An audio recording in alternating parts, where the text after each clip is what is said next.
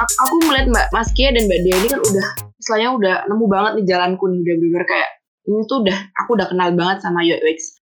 First impressionnya Mas Kia dan Mbak Dia masuk IT itu apa dulu sih? Pertama kali masuk IT itu apa first impressionnya kayak keren kah atau aduh kayak aku juga yang tadi awalnya coding tuh apa sih kayak gitu pernah nggak apa apa gitu Mungkin dia dulu deh ini kayaknya.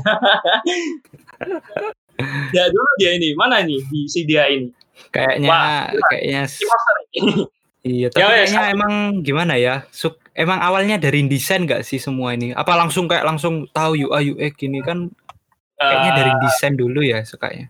ya ya, gini sih. Kalau aku Gimana gimana tadi pertanyaannya? Eh, pertanyaan Atau Mas kayak dulu aja? gimana eh, kalau ya ulangin dulu, ulangin lagi.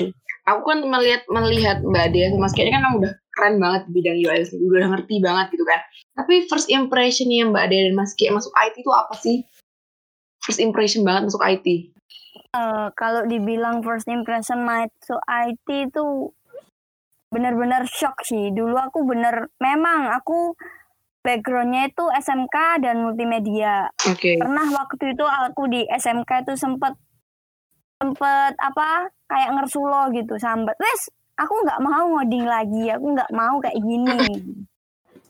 Ternyata sama Allah ditakdirkan aku masuk di PENS dan IT pun. Padahal aku daftar multimedia broadcasting. Entah kenapa yang keterima itu IT gitu loh. aku dengerin langsung dijawab kayaknya ada yang ngomong gitu ke aku deh Bener. Jadi Sama banget. Aku masuk di masuk di PMDK dan pilihan pertama aku itu MMB. oke Terus kemudian pilihan kedua aku itu IT, D4 IT. Jadi nggak tahu kenapa, aku nggak tahu hitung-hitungannya dari mana, entah kenapa aku keterimanya di IT yang basic yang basically lebih susah masuk IT daripada masuk MMB. Bukan maksudku kayak menjatuhkan MMB seperti gimana, tapi memang kenyataannya seperti itu gitu. pas ijat Terus first impressionnya gimana? Nah itu kalau untuk ngoding dulu itu kayak ngoding tambah-tambahan itu masih ah easy lah. Oh gini, oh bisa. Masuk semester 2 sudah rasanya sudah mau meletup kepalaku ini. Sudah ingin beringinan untuk Ya. pindah. Ah, pernah ada pernah ada keinginan aku mau daftar SBMPTN secara diem-diem nggak ngomong orang tua. Tapi aku mikir, sayang kalau misalnya aku eh, aku pergi, apalagi aku apalagi aku di sini eh, gini, kayak yang mendaftar IT di PENS kan banyak dan Iya. yang diterima kan hanya hanya 60 kursi yang di D4. Kalau misal nih aku pergi dan aku ninggalin PENS, IT pun otomatis aku juga menghilangkan tanggung jawab dari orang-orang di belakangku yang sebelumnya dia pingin ngambil kursiku gitu loh. Iya benar benar. Iya benar benar. Aku udah dapat aku udah dapat kursinya kok malah aku pindah. Nah, otomatis kan sama aja aku nyempelekan orang-orang di belakangku gitu. Make sense sih, Iya make sih, sense. Ya, make sense. Kalau dibilang first impression sampai sekarang pun aku masih berdarah-darah di IT ini. Iya benar sih. Sambil jalan sambil jalan ngesot pun aku juga masih jalanin. Hmm. Oke, benar benar benar. kalau Mas Gitu. Sayang kan oke semester 7 tiba-tiba mutung atau gimana kan ya sayang tinggal buang-buang satu gitu semester gak sih, lagi menuju wisuda yoi Oke, Oke. semangat semangat harus semangat kalau nih. Mas tinggal Kia kalau sedikit Mas nih Ah, oke. Mungkin kalau dibilang first impression ya, gini sih.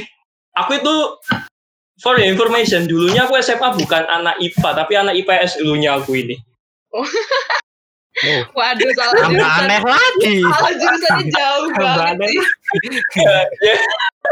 Makanya aku pikir, aduh, mana ya? Ya udah deh gini. Jadi aku itu dulunya itu SMA itu anak IPS, Rek. Jadi aku itu dulu itu pas ketika milih kuliah, aku itu memang pinginku itu di ilmu komunikasi. Karena ya, mohon maaf ya, aku lah kalau anak IPS masuk ke ke IT pun kayaknya mustahil banget. Mikir itu mikirku itu dulu kayak gitu. Nah, akhirnya aku dulu ingin em, daftarin Ilkom UNER, Ilkomnya UPN sama Ilkomnya UB. Nah, SBM, eh, SNMPTN sama SBM nggak keterima aku. Akhirnya, seret, tas pas mencari mandiri nih. Nah, aku itu mikirnya itu kayak kan ada kan masku kandung ini Iya. juga alumni PENS, tapi dari elektronika tahun 2011. Nah, aku itu pas melihat eh, lemarinya kayak dia itu eh, setelah di wisuda kan kayak biasanya dikasih buku, buku kayak prodinya isinya apa. Dulu itu kayak gitu. Nah, ketika aku baca prodinya di PENS itu apa aja, aku tuh langsung attracted sama IT sama tech game dulunya. tech game sama IT sama tech game karena aku juga suka ngegame banget kan. Akhirnya eh, aku nanya eh, kayak bilang ke orang tua aku, "Pak, mah aku mau nyoba masuk PENS mandiri tapi jadi langsung shock dong mama papa aku itu "Geh, kamu itu anak IPS ngapain masuk teknik? Kan Nah, aku mikir ya shock Eh. pasti shock. Kayak shock banget gitu. Terus terus kamu itu loh basicnya itu di IPS gitu loh. Kamu nggak mungkin kayak apa namanya masuk di teknik. Kayak aku mikirnya ya aku mikirnya nyoba dulu lah. Soalnya kan mungkin dulu, eh, kalau dibandingkan dengan pembayaran UKT ya aku lebih prefer PENS daripada UNER gitu kan. Aku ya juga pengen meringankan orang tuaku nggak terlalu berat-berat banget gitu kan. Akhirnya ya wes mencoba tes di PENS dulu baru di UNER. Mm-mm. nah pas mencoba di PENS itu aku bener-bener kayak hopeless banget kayak melihat matematika di fisika ini kayak what? Sama aku juga kayak gitu aku tes. Gila aku tesnya gini banget ya. Meskipun wah wah di gila gila gila. Aku mikir wah kayaknya ini aku bener-bener nggak bisa masuk pens nih. Lah kok eh, plus berapa gitu? Aku lupa itu nam berapa gitu. Eh lah kok tiba-tiba pas pengumuman aku diterima di D4 IT-nya dong pilihan pertama. Aku tambah shock lagi lah. Aku mikir wah ih, kok bisa Cir? aku nggak Wow, paham kok bisa gitu. Aku nggak paham terus akhirnya mama pak aku menginformasikan ini ke mama papaku. Akhirnya ya mereka juga shock juga. Wih kamu kok keren masuk teknik meskipun kamu anak IPS kayak ya gimana ya? Ya udah deh aku terimain aja daripada aku nggak dapet kuliah istilahnya kayak gitu kan. Daripada daripada aku nganggur ya udah aku ngambil IT aku mindsetku pertama wah ini kayaknya belajar keluarga Adobe ini pasti bakal ada korelasi sama keluarga Adobe gitu kan eh lah kok nyuruh install Codeblok kek install Iya. Bracket kek install Studio Code. Oracle ini apa anjir aku mikir ah, gimana ini jadi aku IT sama dengan Photoshop kawan. Warna-warni lagi Iya. tulisannya. nah ya Warna-warni tulisannya. nah warna-warni juga tulisannya yang notabene wah sah wah ini salah malah semakin salah aku masuk di IT eh tapi tapi kayak aku mikirnya sama hampir sama kayak si Dea tadi. Kayak aku kalau ikut SBM aku juga orangnya ya males mikir lagi cuy. Iya. kayak aku dari kuliah pens apalagi apalagi di pens itu termasuk salah satu bukan salah satu lagi kak nomor satu politeknik terbaik di Indonesia kan. Ya aku semakin bangga lagi dong masuk pens dalam artian ya aku juga kasihan sama orang tua aku yang notabene kalau aku pindah pasti butuh uang lagi butuh usaha lagi butuh effort yang lebih gede. Ya jadinya ya udah aku berusaha memutuskan untuk bertahan sampai lulus. Ya dan mungkin ber- tantangannya masih banyak lebih banyak lagi. Dan untungnya sih kalau biasanya ya kalau aku ya kalau aku stres kuliah ya untungnya pelarianku itu mesti anu ke himit kalau nggak gitu ke pemandu mesti itu Enggak sih. Lariannya ke ini, ke time zone. waduh wah ini ini skip dulu ya Wah, skip ini kalau gitu. banget. Selesai. Jangan. Saya juga mendukung untuk di skip. Skor dulu ya itu ya kalau itu skip wes kayak bener-bener. Kalau kalau urusan kampus udah hektik banget ya udah aku memang ke time zone cuman gak se, se itu juga gitu loh maksudku. Skip skip. Nah, Soalnya jadinya pelaku juga ini ya skip. Oke, oke. Skip. Ya gitu sih. Jadi memang pelarianku kalau misalkan stres kuliah mesti kayak tidur di sekber kayak terus ketemu sama teman-teman pemandu diskusi pada akhirnya kayak tiba-tiba ke distract sendiri gitu loh stresku itu akhirnya. Gitu sih kalau aku. Dan itu yang membuatku bisa lebih bertahan lagi dan aku juga paham UI UX itu dari teman-teman mas bakku 2015 khususnya kayak mereka ngasih insight kamu like misalnya gak paham ngoding gak paham ini eh, pilihannya ada dua, mau belajar jaringan atau mau belajar UI UX itu. Hmm. Dan Nah, itu akhirnya, guys. nah akhirnya aku Nah, berarti itu guys awal mula pertemuannya Mas Kia dengan UI UX. Dan nah kenapa, itu Mas? Kenapa akhirnya memilih UI UX ini sendiri? karena gini, aku juga pertama suka desain pertama. Terus yang kedua, aku ya juga mulai suka ngotak-ngatik keluarga Adobe juga ini semenjak aku kuliah. Soalnya aku di SMA itu kayak bener-bener buta banget yang namanya keluarga Adobe gitu loh. karena juga karena aku juga pas di kuliah itu kayak aku bener-bener eh, ini kayak dipaksa aku untuk belajar banyak bener-bener banyak banget apalagi ke, ke semenjak kuliah aku juga eh, di kayak diamanain banyak teman-teman jadi koordinator PDD pada khususnya ya koordinator PDD dari setiap acara kegiatan entah itu himit ataupun pens ya jadinya tapi ya juga alhamdulillah sih kayak aku akhirnya belajar banyak selain di IT aku juga dapat ilmunya yang dari MMB juga nih Oh iya. Karena kecampur-campur ya berarti hitungannya. campur sama nggak sama dia itu kayaknya juga sama ini Sama ya kayaknya ya. Gimana? Sama apanya? ya sama ini yang juga tercampur sama multimedia gara-gara pengalamannya ini. Kalau aku kan sudah S, dari SMK kan sudah anak multimedia. Oh Oh iya sih bener. Iya sih, iya sih. sudah sudah anak-anak desain dari dulu. Otakku sudah udah udah otak desain, cuman sekarang disuruh di IT disuruh logika gitu. Tapi itu sama gak sih mbak? Iya. Aku tuh aku tuh di awal-awal kuliah tuh selalu nanya ke teman aku gimana sih Rek, biar bisa punya logika tuh gimana sih caranya biar punya logika? Ya aku gak pernah Ya menemukan. nggak apa-apa loh. Gini gini. Eh kalau logika itu wanita itu memang Wanita, memang oke. itu lebih memainkan ke perasaan bukan ke logika gitu Flo. Benar. Aduh, berat ini Jat. Ini berat Jat. Kita harus minggir Jat. Buat podcast lagi lah. Iya. Podcast banget ini. Ini repot Buat kalau podcast lagi. Bahas logika sama perasaan. Sudah Oke. skip. Sudah. Kalau misalnya aku pusing-pusing di pens, capek semuanya. Nah, itu kebetulan aku dulu dari kelas 1 itu tuh sudah join di INT. Jadi semua orang-orang yang suka desain, semua orang-orang yang suka dunia perjurnalis perjurnalistikan itu masuk di sana di INT. Jadi aku Hmm. udah dapat informasi, dapat pelajaran dari situ juga dari rumah keduaku INT. Wih. Wede. Wede. Padahal cuma numpang doang yang rumah. Iya. Lupa ngadem di Bunda lupa ngadem di GNT. Iya benar sih. Eh, tapi bener loh, labnya itu bener-bener idaman banget. Wih. Sekber gak ada AC guys. Oh, AC-nya guys. Uh, gila. Gila sih. Gila memang, gila. Skip. Berarti itu ya kira-kira Mas Kia sama Mbak Dea ini akhirnya akhirnya memilih UI UX ini karena memang ya situasinya entah mulai jadi gombolnya sama mulai anak MMB akhirnya suka desain terus digabungkan hingga akhirnya ke UI UX gitu kan ya. Nah, yang mau aku tanya ini kalau belajarnya sampai sekarang ini menjadi Mas Kia UX researcher terus Mbak Dea bahkan bisa freelance itu kan pasti eh, gimana ya belajarnya di mana sih Mbak kayak gitu itu Di mana? Nah, aku mau jawab dulu nih. ataukah diajarin gitu di pens atau gimana kalau di IT pens Hmm, Oke.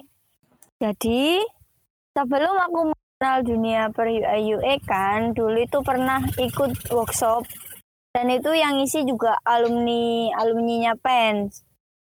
oke Mas Mas Fahmi yang sekarang kerja di dekor rumah oh ya begitu. Nah, terus kenapa aku kok suka UI UX? Eh, kenapa kok aku milih UI UX?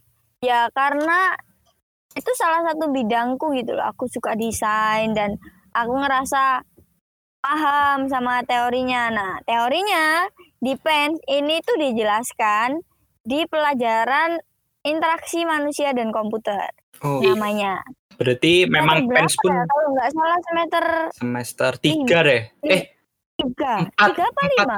Empat, Empat, Mbak. Kalau Itu empat. ingat gue semester empat. Semester empat. empat Nah, padahal aku udah ngelewatin lupa ya Allah Barusan padahal. Ya, Barusan. jadi dikenalin ada yang namanya interaksi manusia komputer dan nanti apakah kamu eh, ngerti passionmu di UI UX itu ketika kamu masuk Software Expo di bagian Software Expo pada tahunku itu kebetulan dibagi menjadi ada divisi yang namanya UI dan UX jadi aku masuk Hmm. ke sana dan menjalani semua riset-risetnya dan itu ada pelatihnya juga ada dari mentor-mentor guru mentor-mentor dosen.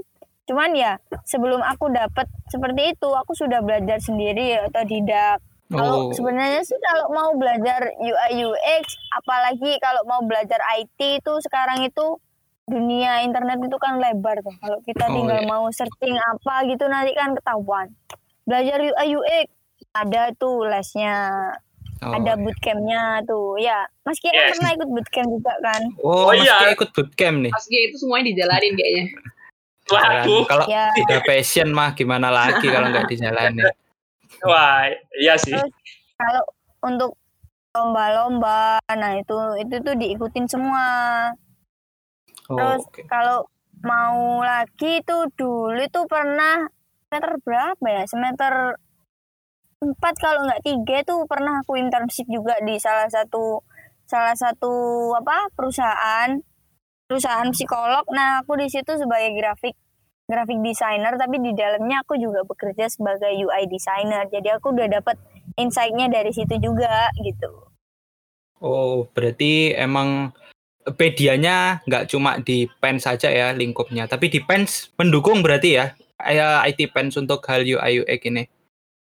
Ah, kalau IT Pens mendukung enggaknya, itu of course mendukung karena teh aku sekarang itu juga UI UX. Oke, mantap banget. Mantap jiwa. Ditunggu tanya-tanyain produknya ya. Mbak Iya. Dea tuh bakal tanya-tanya tanya-tanyain sih banyak sih nanti soal TA ini. Biasanya maba-maba ini nyariin, waduh Mbak Dia yang UI UX Iya. itu nanti pasti disamperin nih. Oh, Apa? Aku muka judes gini. Di, oh, takut, apa? yakin aku takut kalau melihat kalau dari awal maba itu lihat ya Mbak Dea ini wat, wat- apa ot- otaknya sampean mukanya Otaknya judes tuh gimana? Tolong. Mukanya judes terus habis itu nggak pernah senyum tuh itu korbannya itu pernah itu salah satu dari kita itu si Ijat itu pernah ada yang pernah ada yang pernah tak bikin sakit hati loh, ijat itu namanya. Astaga. Astaga. Kalau teman-teman kepo gimana ceritanya ijat, monggo tanyakan ke Nanti, ijat. nanti, Ya, Oke, benar sekali. klarifikasi Mas Izzat. Podcast klarifikasi Izat versus Deaniar gitu.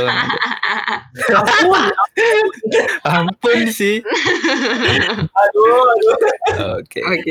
Kalau udah tahu belajarnya di mana, kan ini tadi Mbak Mbak Dea udah jelasin kerjanya eh, kerja belajarnya Iya. di mana gitu-gitu kan. Berarti sekarang kayak Iya. udah kerja nih. Nah, Mas Mas, Mas Kie, kalau udah Ya. jadi UI UX, ntar kerjanya kayak gimana sih? Harus kayak gimana sih cari kerjanya? Em, gini sih, itu aku juga nggak expect banget ya kayak ketika kan pernah kan, eh, aku pernah nge-story ya kayak di aku lagi pertama kali di perusahaan kerja pertama kalinya, terus banyak yang nanya loh Mas Kia jadi UX researcher tak? Iya, loh itu gimana masuknya portofolionya gimana? Terus habis itu apa Pamer, yang harus pamer habis itu. Sombong-sombong biasa. Sombong, sombong. Biasa. ya, ya, ya, apa ya? Maaf ya. Jadi gini.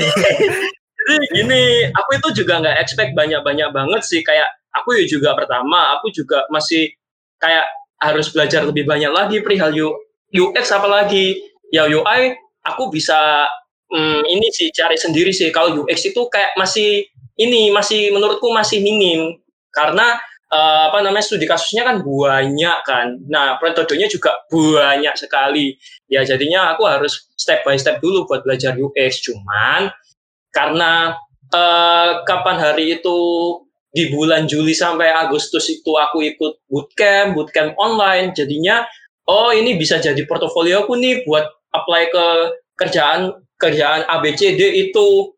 Nah ketika aku berusaha apply eh lah, lah kok dilala ya pas wawancara terus dapat pesen kamu diterima. Kan aku batin loh. Aku padahal portofolio camp kemarin doang tapi karena dianggap perusahaan mungkin ya kalau dianggap perusahaan ini ini cocok dan di dalam CV ku itu juga menjelaskan kalau aku itu eh, apa namanya gak sekedar UI UX doang tapi aku juga nampilin eh, bukan nampilin kak nyertakan aku juga bisa loh keluarga Adobe gitu Ji gitu Waduh. jadi mungkin Ini enggak. nih, aku nyar eh, ada lagi satu lagi requirement baru dari masing-masing startup itu bisa jadi nilai plus. nah Kalau mau apply sebagai UI dan UX designer itu minimal harus bisa keluarga Adobe. Keluarga Adobe, bener.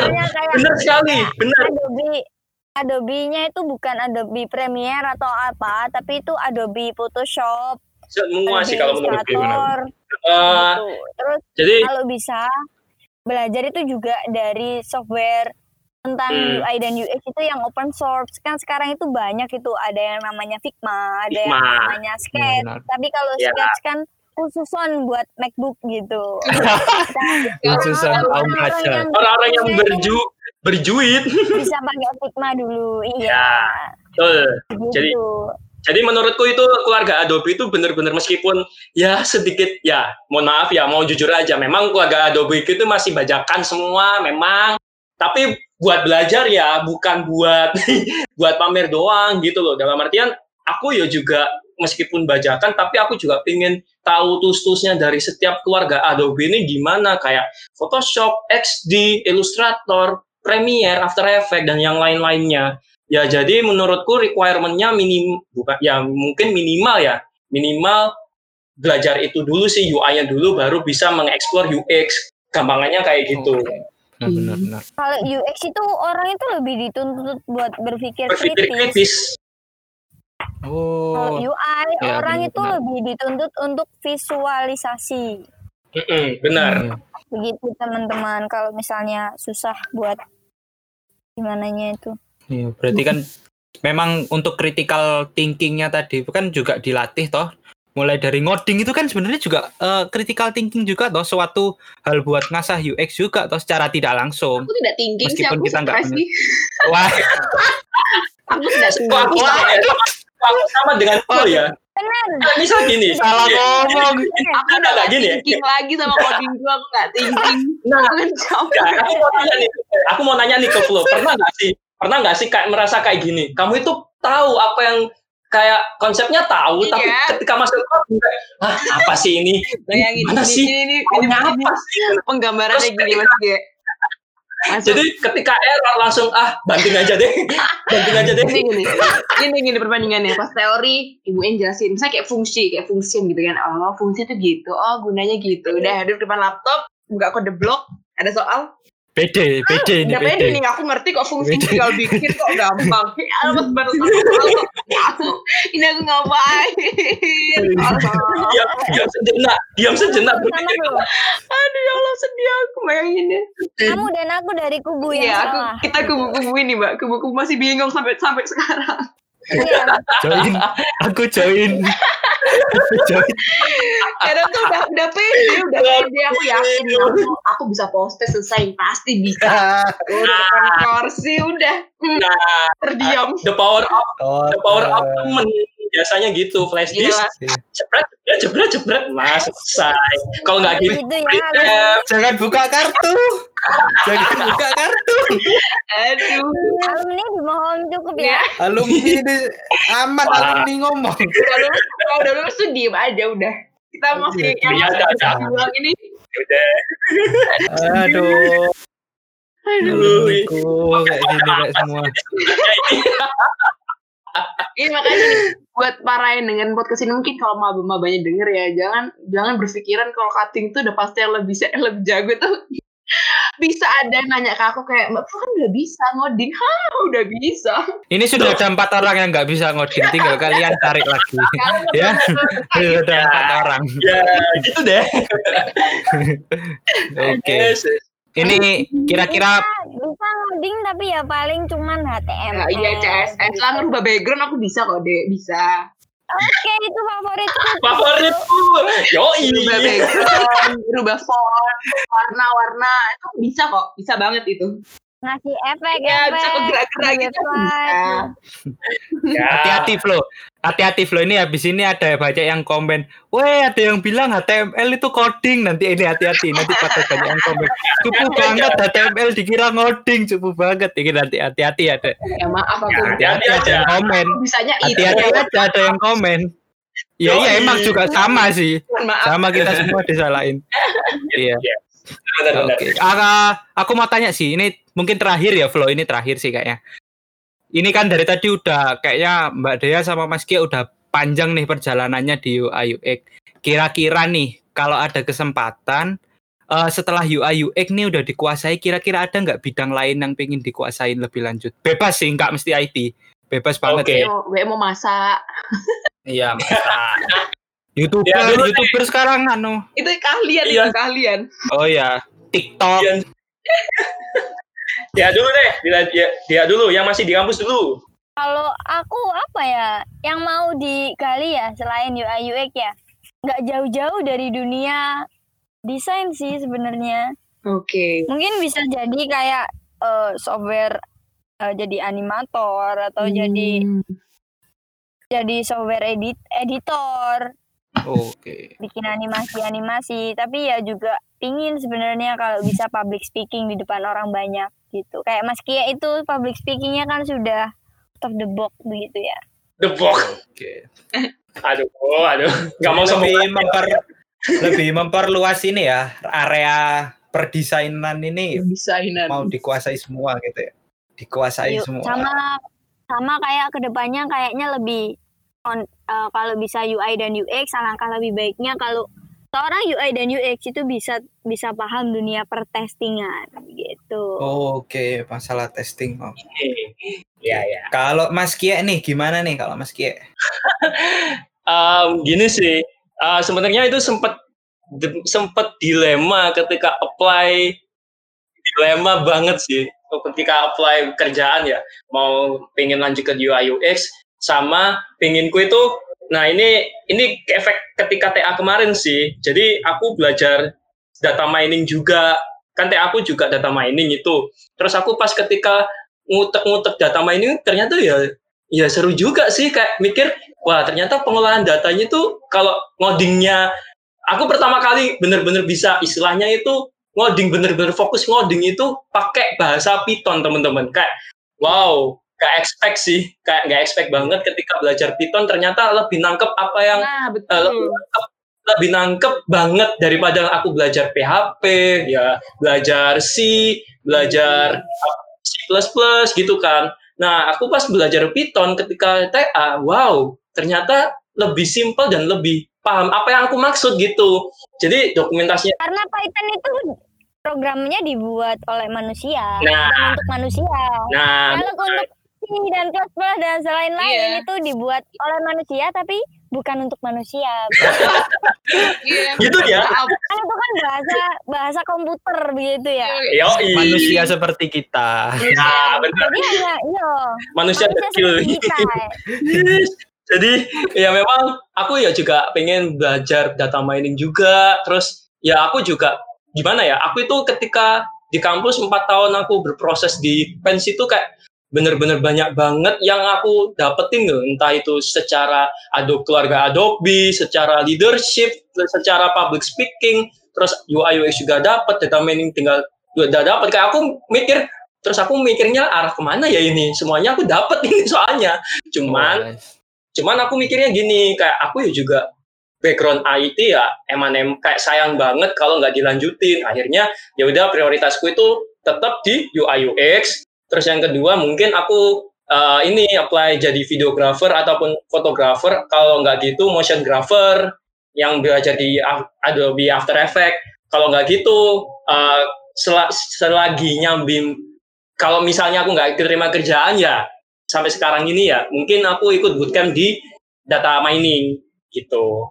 oh berarti ada Ngomong-ngomong tentang data mining, kayak aku juga ada belahannya dari data mining gitu. Yoi. Di Tuh. UI UX dan data mining eh bukan data mining sih, machine learning lebih tepatnya. machine learning ya Oh ya itu bisa. Tuh. Jadi ya itu eh, apa namanya yang pingin aku master istilahnya kayak gitu. Enggak, enggak. Aku tahu Kia sebenarnya pengen jadi YouTuber kan sebetulnya. Oh gitu. Terus terus. Sebenarnya Mas Kia mau jadi YouTuber kan sebenarnya kayak dari dari cara-cara dia ngomong itu kan kayak pengen jadi YouTuber yang sombong-sombong yang pamer mobil, pamer rumah kayak Ngeprank, ngeprank. ngeprank. Ingat gak sih? Ingat gak sih ini aku paling berkesan sama Mas Kia itu waktu Waktu apa ini? Hey. Waktu LKMM Mas Kia tuh bawa materi materi buat kelompokku kan terus dia tiba-tiba marah-marah sendiri nggak jelas kayak Oh my god. Ah, Oh my Aku god. ada di situ. Aku ada di situ.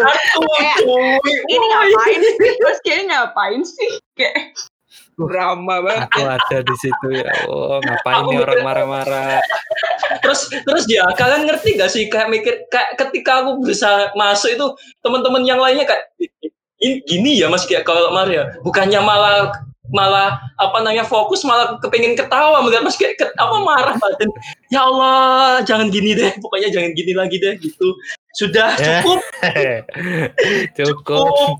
ya sudah cukup eh tapi kalau dapat awarding lagi gara-gara pengendalian konflik kan bangke Yesus Oke. ini tuh jadi podcast yang paling berisik menurutku Mas Mas Izzat karena Ya. ada dua ada, ada dua orang sekaligus dalam satu satu satu pembicaraan ini ada dua orang langsung. Oke. dan sama-sama gesernya juga Otaknya sama-sama salah semua ini. Oke. Oke, for the last for untuk yang terakhir saran dari Mbak Dea atau Mas Ki ada salah satu aja Oh iya. buat ini buat Salah para satu nih. pendengar ini yang lagi struggle di IT apa sarannya? dia dulu nih Sepatah dua kata atau separagraf Oh ini. jangan jangan Anjir. separagraf.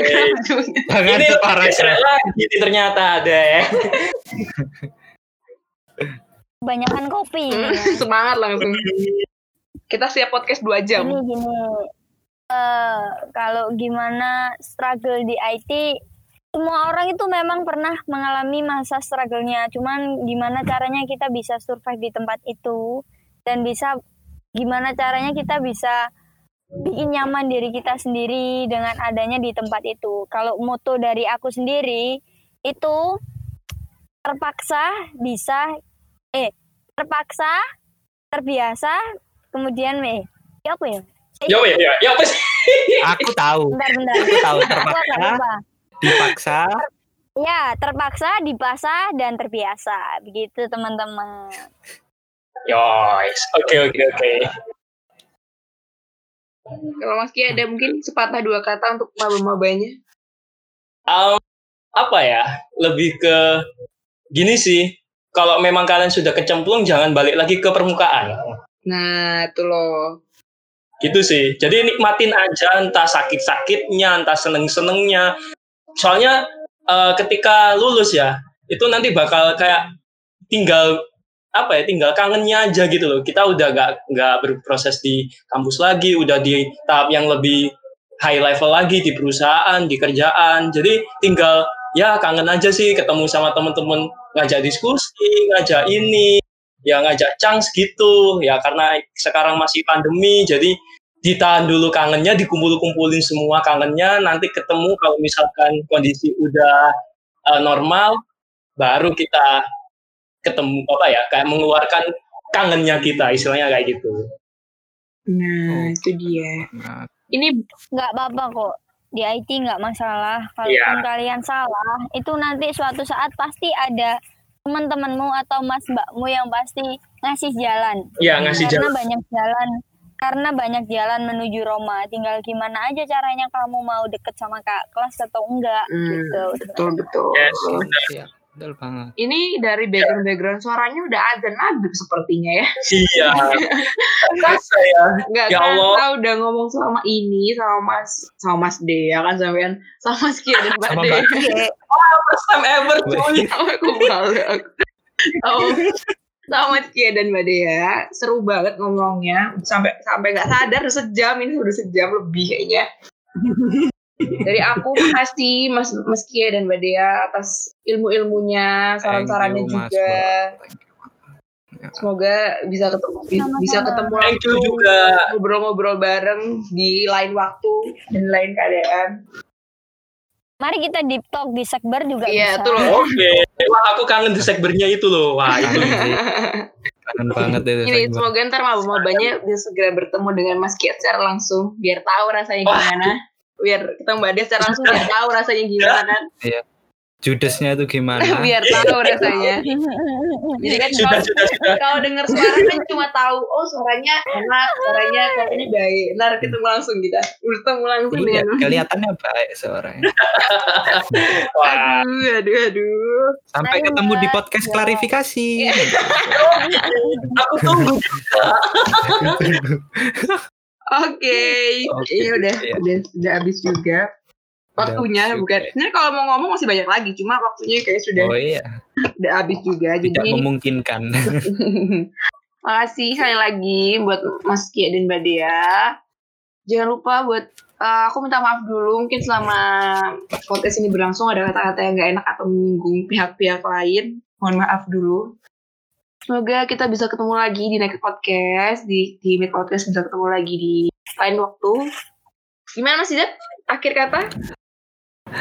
Akhir kata, so thank you buat yang udah dengerin juga. Jangan lupa di share untuk uh, podcastnya karena ini podcast yang bermanfaat dan juga menarik ya. Iya, Apalagi iya. pembicaranya kayak gini dan terus ke depannya kan juga bakal lebih menarik lagi. Yoi. Uh, apalagi buat teman-teman di IT juga yang pengen tahu himit itu gimana terutamanya. Iya. Itu ya. Boleh juga Oh, ntar saran-saran mungkin di IG, saran-saran mau ngomongin ini dong gitu. Bisa kok. Ya Tinggal, ngomongin ini dong kak. Iya. uh, tinggal cari aja tuh IG-nya Himit. Iya. Ntar pasti keluar. Himit fans. Nah, Iya. betul. Oke.